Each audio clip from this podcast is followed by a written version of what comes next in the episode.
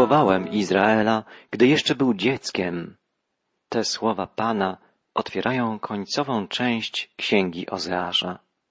Obejmuje ona rozdziały od 11 do 14 i zawiera głównie zapowiedź kary za wzgardzoną miłość oraz proroctwo, iż miłość Boża jednak ostatecznie zwycięży. Na początek przeczytajmy pierwszy wiersz jedenastego rozdziału księgi Ozeasza.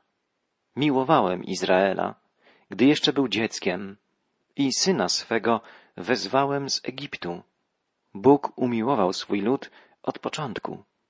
Izrael stał się narodem w Egipcie. Tam schronił się patriarcha Jakub wraz z siedemdziesięcioosobową rodziną. Tam początkowo traktowano Izraelitów dobrze ze względu na zasługi Józefa, prawej ręki faraona. Ale po latach, gdy Hebrajczycy rozmnożyli się bardzo i osiągnęli liczebność narodu, zaczęto ich prześladować i traktować jak niewolników. Narodził się antysemityzm. Po raz pierwszy w Egipcie, na początku dziejów Izraela, znienawidzono Żydów, naród wybrany przez Boga. Jednak żywy Pan, Bóg Abrahama, Izaaka, Jakuba, pozostał wierny swemu ludowi. Usłyszał narzekanie zniewolonych, gnębionych Izraelitów i wyprowadził ich z niewoli egipskiej. Prorok woła w imieniu Pana, miłowałem Izraela, gdy jeszcze był dzieckiem i syna swego wezwałem z Egiptu. Niezwykłe jest to, że ewangelista Mateusz z inspiracji Ducha Bożego odniósł te słowa proroka Ozeasza do Jezusa Chrystusa. Jezus krótko po narodzeniu został zabrany przez Józefa i Marię do Egiptu, by ujść przed nienawiścią Heroda, zazdrosnego o nowego króla Izraela. Potem, po śmierci Heroda, Jezus, Syn Boży, został wezwany, by wyjść z Egiptu i powrócić do rodzinnego Nazaretu. Tak więc słowa proroka Ozeasza odnoszą się zarówno do narodu izraelskiego, nazwanego w Starym Testamencie wielokrotnie umiłowanym Synem Boga, jak i do Jezusa Chrystusa. On wyszedł z tego narodu i podobnie jak cały Izrael został wezwany z Egiptu. Jezus ostatecznie przybył do Jerozolimy, by oddać w ofierze za grzech swoje życie, za grzech Twój i mój. Był to największy dowód miłości Boga Ojca względem całej ludzkości. Potężna, niezwyciężona miłość Boga towarzyszyła od początku ludowi pierwszego przymierza, Izraelowi. My, jako lud nowego przymierza, doświadczamy tej samej wielkiej, nieskończonej miłości Boga Izraela, Boga Abrahama, Izaaka, Jakuba, Boga Biblii, Pana historii.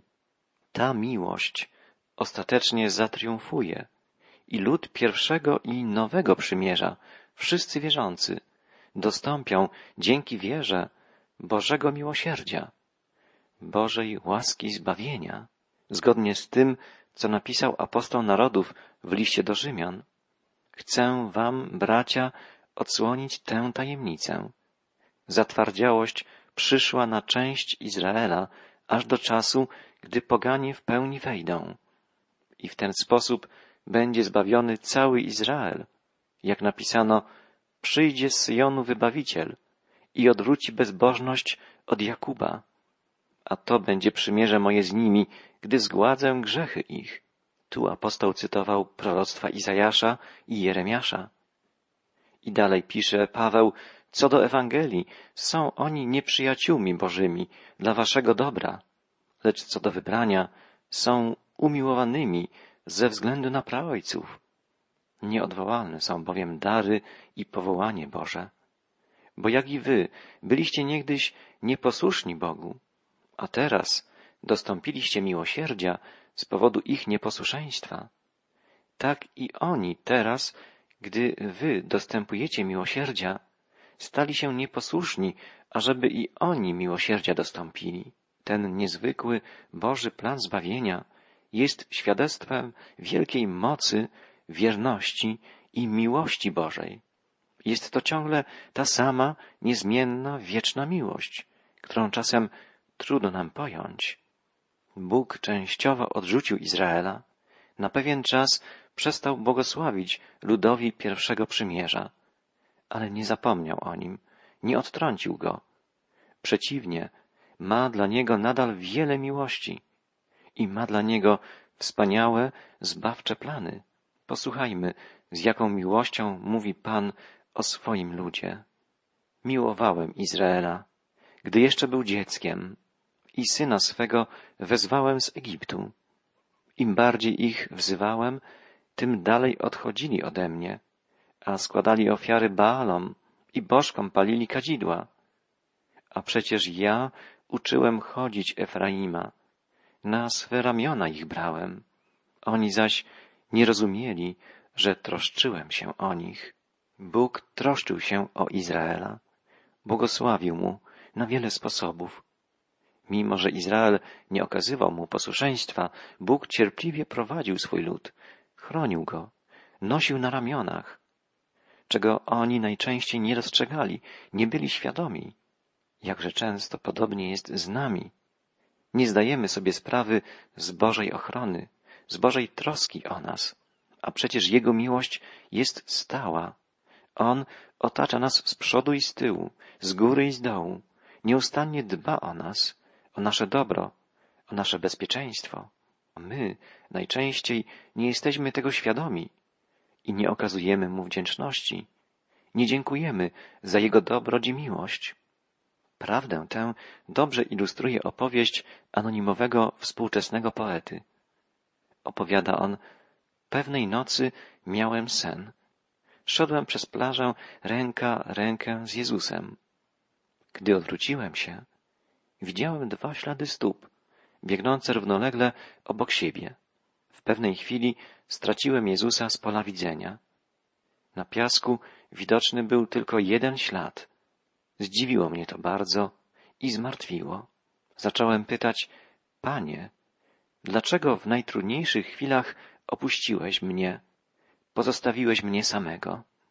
A on odpowiedział, Moje dziecko, w chwilach, gdy na drodze Twego życia zaznaczał się tylko jeden ślad, nosiłem Cię na rękach. Prorok Ozeasz woła w imieniu Pana, przecież ja uczyłem ich chodzić, na swe ramiona ich brałem. Oni zaś nie rozumieli, że troszczyłem się o nich. Pociągnąłem ich ludzkimi więzami, a były to więzy miłości. Byłem dla nich jak ten, co podnosi do swego policzka niemowlę. Schyliłem się ku niemu i nakarmiłem go. Miłość Boga jest miłością ojcowską. Bóg powołał nas do życia z miłości i swą miłością otacza nas stale. Nigdy do niczego nas nie zmusza. Delikatnie puka do naszego serca. Chce, żebyśmy dobrowolnie, rozpoznając Jego miłość, odpowiedzieli na nią, otwarli się na Jego miłość i odwzajemnili się także miłością. Napoleon Bonaparte powiedział kiedyś, było w historii kilku wielkich wodzów, takich jak Aleksander Wielki czy Juliusz Cezar, ale potęgę swoich imperiów budowali oni siłą. Natomiast Jezus Chrystus ma miliony poddanych, których zdobył miłością i którzy miłują Jego, tak że gotowi są oddać za Niego życie. Jezus zbudował imperium miłości. Tak, Bóg naprawdę jest miłością, naprawdę kocha każdego z nas i pragnie, byśmy byli obywatelami Jego imperium miłości. Bóg nikogo z nas nie wprowadzi do swego królestwa na siłę. My sami musimy tego zapragnąć, pociągnięci Jego miłością. Bóg mówi poprzez usta proroka. Pociągnąłem ich więzami miłości. Byłem dla nich jak ten, co podnosi do swego policzka niemowlę. Te piękne, przepełnione miłością słowa są skierowane nie tylko do ludu pierwszego przymierza, Izraela, ale także do nas, wierzących nowego przymierza. Przecież największym dowodem Bożej miłości jest przyjście Jezusa Chrystusa. Jest to wszystko, co On, Zbawiciel, dla nas uczynił. Bóg tak umiłował świat, że Syna swego jednorodzonego dał, aby każdy, kto w Niego wierzy, nie zginął, ale miał życie wieczne. Bóg pragnie każdego z nas zbawić i pragnie uczynić nas prawdziwie wolnymi. Jedynymi więzami, o których mówi Boży prorok, są więzy miłości. Nie są to więzy krępujące, ograniczające, ale więzy, raczej więzi, przynoszące wolność, szczęście, poczucie bezpieczeństwa. Miłość Boża jest czymś wspaniałym. Miłość Boża zwycięży. Widzimy to na przykładzie ludu pierwszego przymierza. Posłuchajmy dalszych słów proroka, wojącego w imieniu Pana. Jakże Cię mogę porzucić, Efraimie? Jak opuścić Ciebie, Izraelu? Jakże Cię mogę równać z Admą i uczynić podobnym do Seboim? Moje serce na to się wzdryga i rozpalają się moje wnętrzności.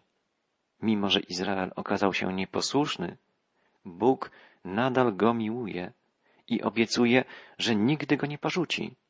W wypowiedzi Bożego proroka pojawiają się nazwy miejscowości Adma i Seboim. Były to miasta zniszczone razem z Sodomą i Gomorą. Bóg zapewnia, nie zniszczę ciebie, Izraelu, jak tamtych miast, bo wzdrygam się na myśl o tym, że miałbym unicestwić lud, który wybrałem. Jest to obrazowe, antropomorficzne ukazanie wierności Boga. W ten sposób Boży prorok przedstawia nam głębię miłości Boga do swego ludu. Nie chcę, aby wybuchnął płomień mego gniewu i Efraima już więcej nie zniszczę, albowiem Bogiem jestem, nie człowiekiem. Pośrodku Ciebie jestem ja, święty, i nie przychodzę, żeby zatracać. Bóg nie zatraci swego ludu. Dlaczego? Bo nie jest człowiekiem, lecz Bogiem. On, święty, potężny, niezmienny, mieszka pośród swego ludu. Dlatego nie zniszczy narodu wybranego przez siebie. Ukaże go, wypędzi na długi czas z ziemi obiecanej, ale potem zmiłuje się nad nim i sprowadzi go z powrotem. Pójdą śladami Pana, który zagrzmi jak ryczy lew, a kiedy zagrzmi, zbiegną się jego synowie z zachodu, jak ptactwo przylecą z Egiptu, a z asyryjskiej ziemi jak gołębie. Sprawię, że wrócą do swoich siedzib, wyrocznia Pana. Tak kończy się poselstwo jedenastego rozdziału Księgi Ozeasza. Podobnie następny, dwunasty rozdział zapowiada najpierw karę, sąd nad Izraelem, a potem Boże zmiłowanie nad ludem wybranym. Jest to kolejne świadectwo wierności i miłości Boga.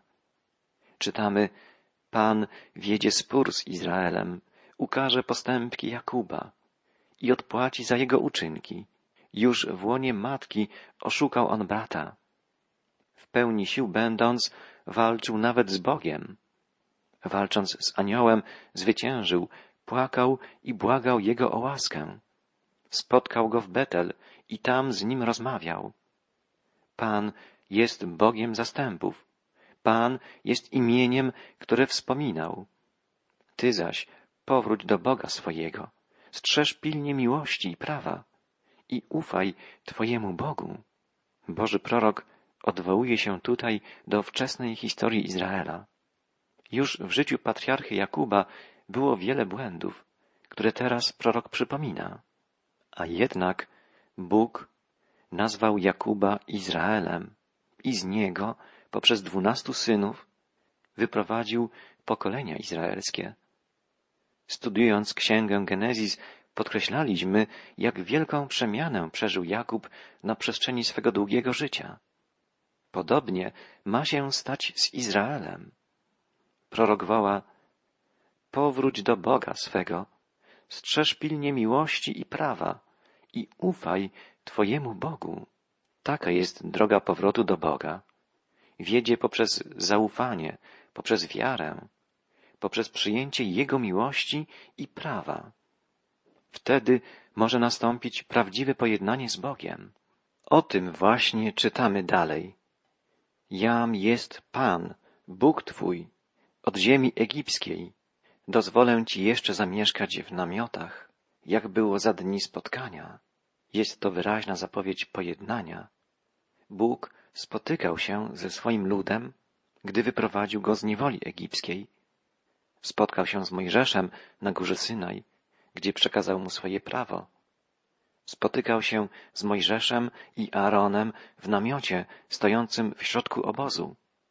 Mieszkał pośród swego ludu.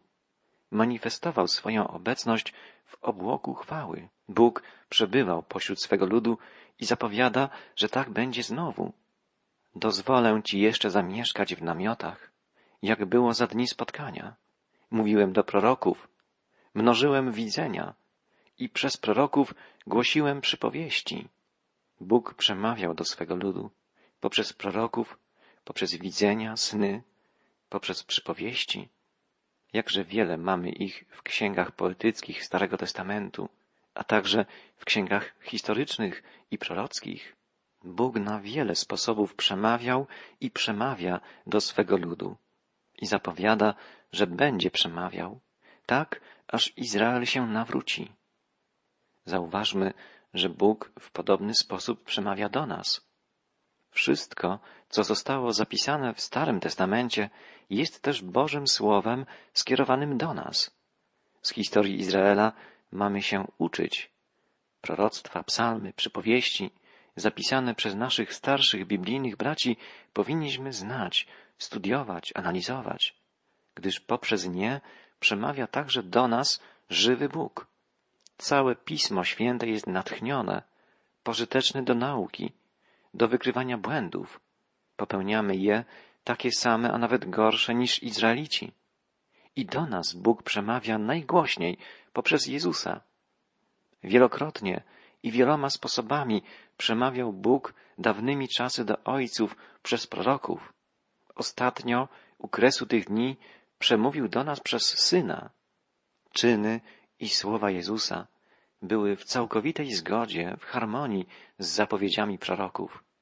W Chrystusie wypełniły się wszystkie proroctwa. On sam często je cytował, wskazywał, że to, co czyni, w jaki sposób żyje, postępuje, czego dokonuje, że wszystko to jest wypełnieniem słów Bożych proroków, wypełnieniem woli Boga Ojca. Jest to zarówno dla nas, jak i dla ludu pierwszego przymierza ta sama, jedyna zbawienna prawda. On jest jedynym Stwórcą i Zbawicielem. A to ja jestem Pan, Bóg Twój, od ziemi egipskiej. Innego Boga poza mną Ty nie znasz. Nie ma prócz mnie wybawcy. Tę prawdę znamy my, ludzie Kościoła Chrystusowego, a więc wszyscy wierzący Nowego Przymierza. Tę prawdę znają także Izraelici, lud pierwszego przymierza, któremu Bóg objawił się jako jedyny Pan i Wybawca. Jest to właściwie treść pierwszego przykazania. Jam jest Pan, Bóg Twój. Innego Boga poza mną nie znasz. Nie ma prócz mnie wybawcy. Te słowa zapisane w przedostatnim, trzynastym rozdziale Księgi Ozeasza są wyraźnym przypomnieniem tego, co Bóg objawił już Mojżeszowi. Ponieważ lud izraelski zapomniał, jakie jest jego powołanie, Bóg poprzez usta proroka przypomina prawo i zapowiada sąd. Na pustyni, w kraju posłuchy cię pasłem. Kiedy ich pasłem, byli nasyceni, lecz w tej sytości unieśli się pychą i o mnie zapomnieli. Stanę się dla nich jak lew, jak czyhająca na drodze pantera. Rzucę się na nich, jak niedźwiedzica, kiedy straci młode. Rozerwę powłokę ich serca. Z powodu pychy, odstępstwa Izraela, Bóg dopuści, że Izraelici zostaną pobici, zniewoleni przez wroga. Czytamy dalej w przedostatnim trzynastym rozdziale. Wyniszczę ciebie, Izraelu. I kto ci przyjdzie z pomocą? Gdzież jest twój król, aby cię ratował we wszystkich twych miastach? Gdzie sędziowie twoi? O nich to mówiłeś, dajcie mi króla i książąt. Dałem ci króla w swym gniewie i zabiorę go znowu w swej zapalczywości. Jeszcze raz Bóg przypomina, że to On sam pragnął być ich królem i decyzja o wyborze ziemskiego króla była wyrazem braku zaufania, braku wiary, znakiem duchowego upadku Izraela.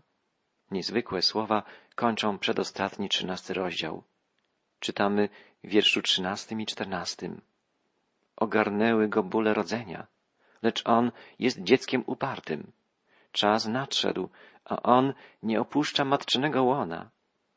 Czy mam ich wyrwać z Szeolu, albo od śmierci wybawić? Gdzie twa zaraza o śmierci?